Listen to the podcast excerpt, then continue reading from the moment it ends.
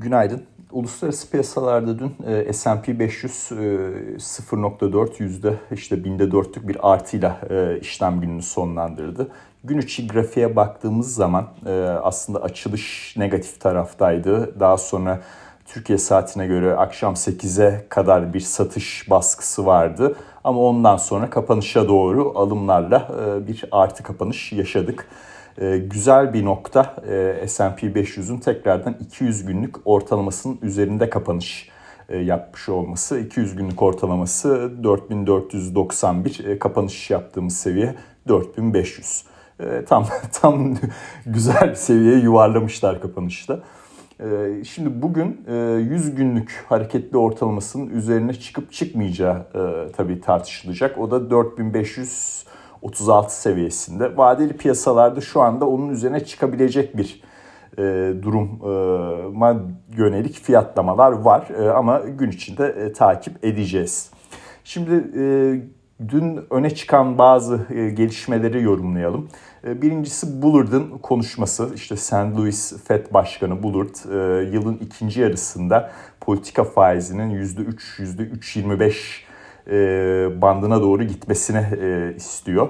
E, şimdi bunu piyasa çok her ne kadar rakam aşırı şahin olsa da piyasa bunu çok önemsemedi. Bunun da nedeni şu. Nokta grafikte, nokta grafikte 2022 için en böyle yukarıda 3.25 seviyesinde olan nokta, hatta 3'ün üstünde işte 3.25 olması lazım. Şuradan bir daha bir açalım, kontrol edelim. Ee, evet 3-3.25 bandı e, seviyesindeki noktanın zaten Bullard olduğunu bütün piyasa biliyor.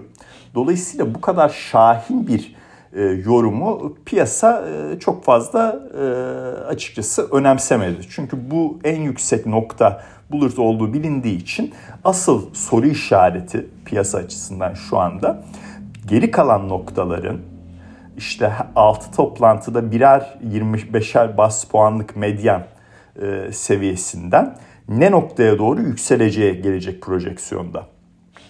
Ve bununla ilgili olarak da bu hafta hem Bernard'dan e, hem de tutanaklardan e, önemli bilgiler aldık. Yani birkaç tane 50 bas puanlık artışın söz konusu olacağı belirtiliyor. Ancak tabii bunu e, sadece e, Fed'in e, işte tutanakları ve Bernard'ın açıklamaları olarak değil, aynı zamanda piyasanın fiyatlamasıyla da karşılaştırmamız lazım. Piyasa zaten mevcutta 2022 senesinin geri kalan 6 toplantısının 3'ünde 50 bas puanlık bir artış fiyatlıyor. Dolayısıyla bu rakamın üzerinde yani 2022 yılı işte 2.50-2.60 politika faizinin üzerinde bir noktaya gidebilecek bir açıklama diğer üyelerden de e, gelmesi durumunda e, daha şahinleşecek ve piyasadaki risk algısını bozacak bir durumla karşılaşabiliriz. Ama şahsen ben bu haftaki e, açıklamaları incelediğimde, bu haftaki tutanakları incelediğimde, piyasa fiyatlamalarının bununla karşılaştırdığımda böyle bir durumla karşılaşmadığımızı görüyorum. Dolayısıyla piyasa fiyatlaması zaten mevcut FED şahinliğini politika faizi tarafında içeren bir durumda. Bunun da dolayısıyla hisse senedi piyasalarına etkileri sınırlı olacaktır bundan sonraki süreçte. S&P 500'ün de dün 100 günlük üstü 100 e, 200 günlük hareketli ortalamasının üzerinde kapanış yapma sebebi de Bullard'ın bu açıklamasına rağmen budur. Şimdi diğer bir önemli nokta e, Warren Buffett HP'de e, bu HP zamanında ikiye bölünmüş vesaire çok kafanızı şişirmeyeyim. HP'de 4.2 milyar dolarlık bir hisse aldığını açıkladı. Şimdi bu Berkshire Hathaway, Warren Buffett'ın herhalde e, son bir buçuk aydır e, açıkladığı üçüncü e, anlaşma, üçüncü hisse, üçüncü yatırım diyelim. Yani deal'ın Türkçe karşılığını şu anda söyleyemedim kusura bakmayın. Bu ne demek oluyor? Warren Buffett gibi böyle uzun vadeli yatırımcılar artık piyasalardaki düşüşleri hisse bazlı e, bir fırsata çeviriyor. Bu önemli. gelecek endekslerin geleceği için de önemli. Yani bu haberler gelmese işte Warren Buffett şu, şu kadar hisse aldı. Elon Musk Twitter'da şu kadar hisse aldı. İşte ne bileyim bu tarz haberler gelmesi ya da mesela Bill Ackman'ın fonu işte short yapmayı bıraktı artık sadece long only gidecek vesaire. Bu, bu tarz haberler gelmesi S&P 500'de aşağı yönlü baskılar daha da çok artabilir. Ama burada işte Warren Buffett'ın işte şirketi gibi e, yatırım şirketleri, e, yatırım holdingleri işte Berkshire Hathaway aslında bir sentetik FED putu yaratıyor aşağıda endeks için. Ve gelinen noktada da bu tarz haber akışlarının artması yukarı yönlü risk algısında endekslerde yukarı yönlü hareketleri destekleyen bir görünüm bize sunuyor. Diğer bir önemli gelişme de haftalık işsizlik başvurularının 166 bine gerilemesi. Şimdi burada bir sezonsallık hesaplaması da var. Ee, yani gelecek hafta bunun üzerinde bir rakam göreceğiz muhtemelen. Ama e, yani bu kadar az bir rakamın olması, bu kadar az bir iş e, işsizlik bağışı başvurusunun yapılması aslında ABD istihdam piyasasının ne kadar güçlü olduğuna dair önemli bir gösterge. Bu ne demek oluyor? İstihdam bu kadar güçlüyse resesyon olasılığı da o kadar azdır demek oluyor. Yakın vadeli resesyon olasılığı en azından. Geri kalan haber akışlarını e, biraz e, değerlendirelim. Yani bu piyasalar açısından önemli haber akışları bu işte Bullard'ın açıklamasını piyasanın önemsememesi e, zaten piyasa fiyatlamalarında e, şu anda 3 tane faiz artışının içeri içerilmiş bir durumda olması 3 tane 50 bas puanlık faiz artışının içerili bir durumda olması işte Warren Buffett'ın HP'de aldığı hisse e, ve e, haftalık işsizlik başvuruları piyasayı etkileyen taraftı. Diğer tarafta e, işte e, Ukrayna-Rusya olayı maalesef hala devam ediyor o, o süreç. E, Donbas bölgesinden e, sivil halkın çekilmesiyle ilgili olarak Ukrayna uyarıda bulunmuş. E, burada Rusya ile Ukrayna bu bölgede çatışmaları hafta sonu arttırabilir. Böyle haber akışlarıyla karşılaşabiliriz. E bu tabii ya o zaman hafta sonu riske alınır mı sorusunu doğurabilir.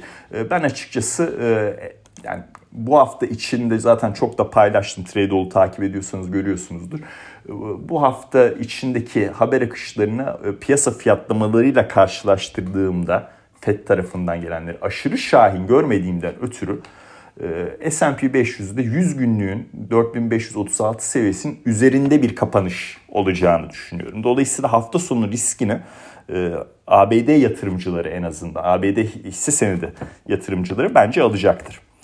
E, ikinci bir nokta Avrupa'nın e, Rusya'ya kömür yaptırımı. Bu yani resmi olarak artık masada hatta masada değil onaylandı yani öyle söyleyebilirim. bu kömürün kömür alımının yıllık miktarı işte 4.4 milyar dolara yakın e, Avrupa'nın Rusya'dan aldığı kömür e, miktarı. Dolayısıyla yani Rusya Avrupa enerji ticaretinde e, bir petrol veya bir doğal gaz kadar aşırı önemli bir pozisyonda değil.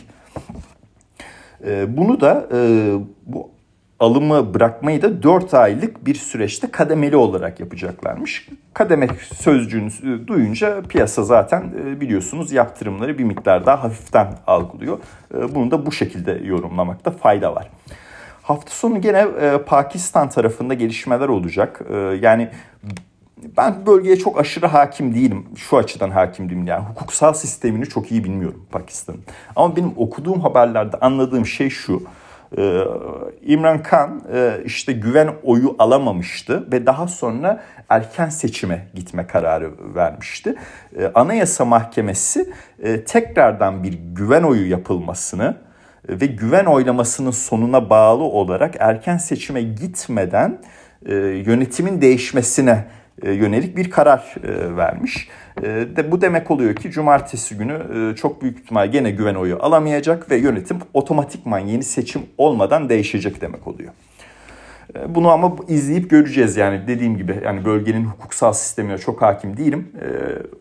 Okuduğum haberlerden olan kısmı aktarıyorum size. Şimdi şöyle bir daha bir piyasa tarafına gidelim. Piyasa tarafında e, artık e, gelecek haftadan itibaren e, ABD bilanço sezonu daha çok karşımıza çıkacak. Hızlanarak karşımıza çıkacak.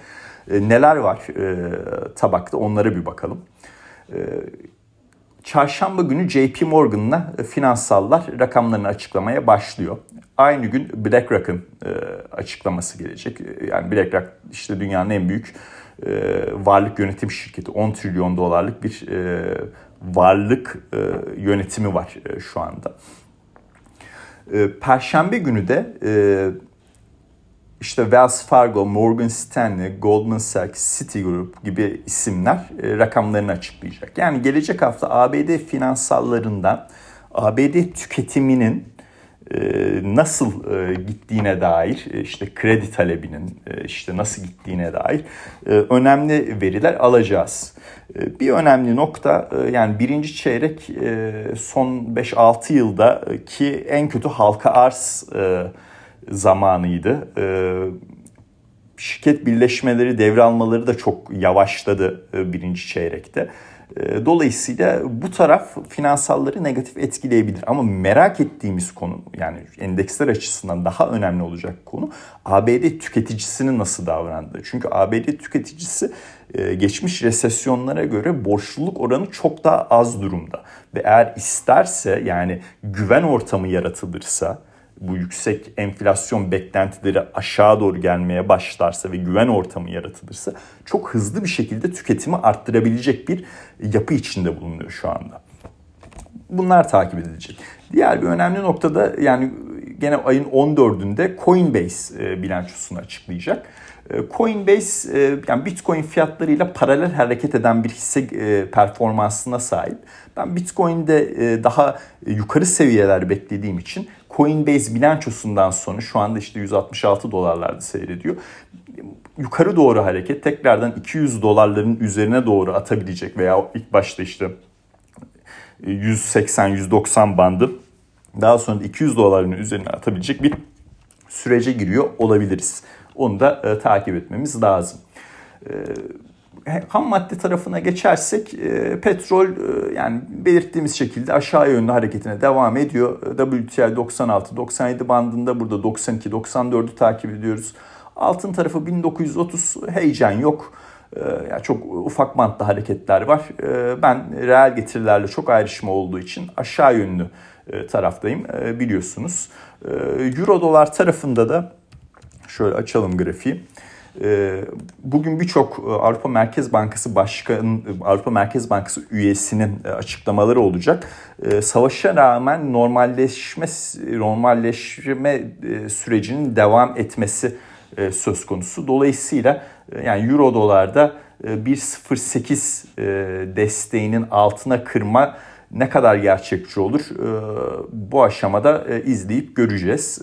Ben e, açıkçası buralardan tekrardan yukarı yönlü, ilk hareketin yukarı yönlü olacağını düşünüyorum. İşte orada da e, artık tabii ortalamalar da geliliyor. 1.11.41, 1.12.22 24 pardon 1.12 24 e, bölgesine doğru e, bir hareketlilik yaşanacağını e, düşünüyorum en azından gelecek haftalarda tahvil tarafına geçersek e, yani verim eğrisinde 10 e, yıllıkta şu anda 2.66 seviyesinde. E, dün işte 2.56'lara kadar gerilemişti. Tekrardan bir yükseliş yaşadı. 2 yıllıklarda 2.50 seviyesinde. O da dün işte 2.40'lara kadar gerilemişti. Bu aşırı şahin fiyatlama yani öyle özetleyeyim ben. Birkaç tane 50 bas puanlık faiz artışı gördükten sonra eğer uzun vadeli enflasyon beklentileri bir miktar rahatlarsa bu verim eğrisi de bir miktar aşağı doğru kayış görebiliriz.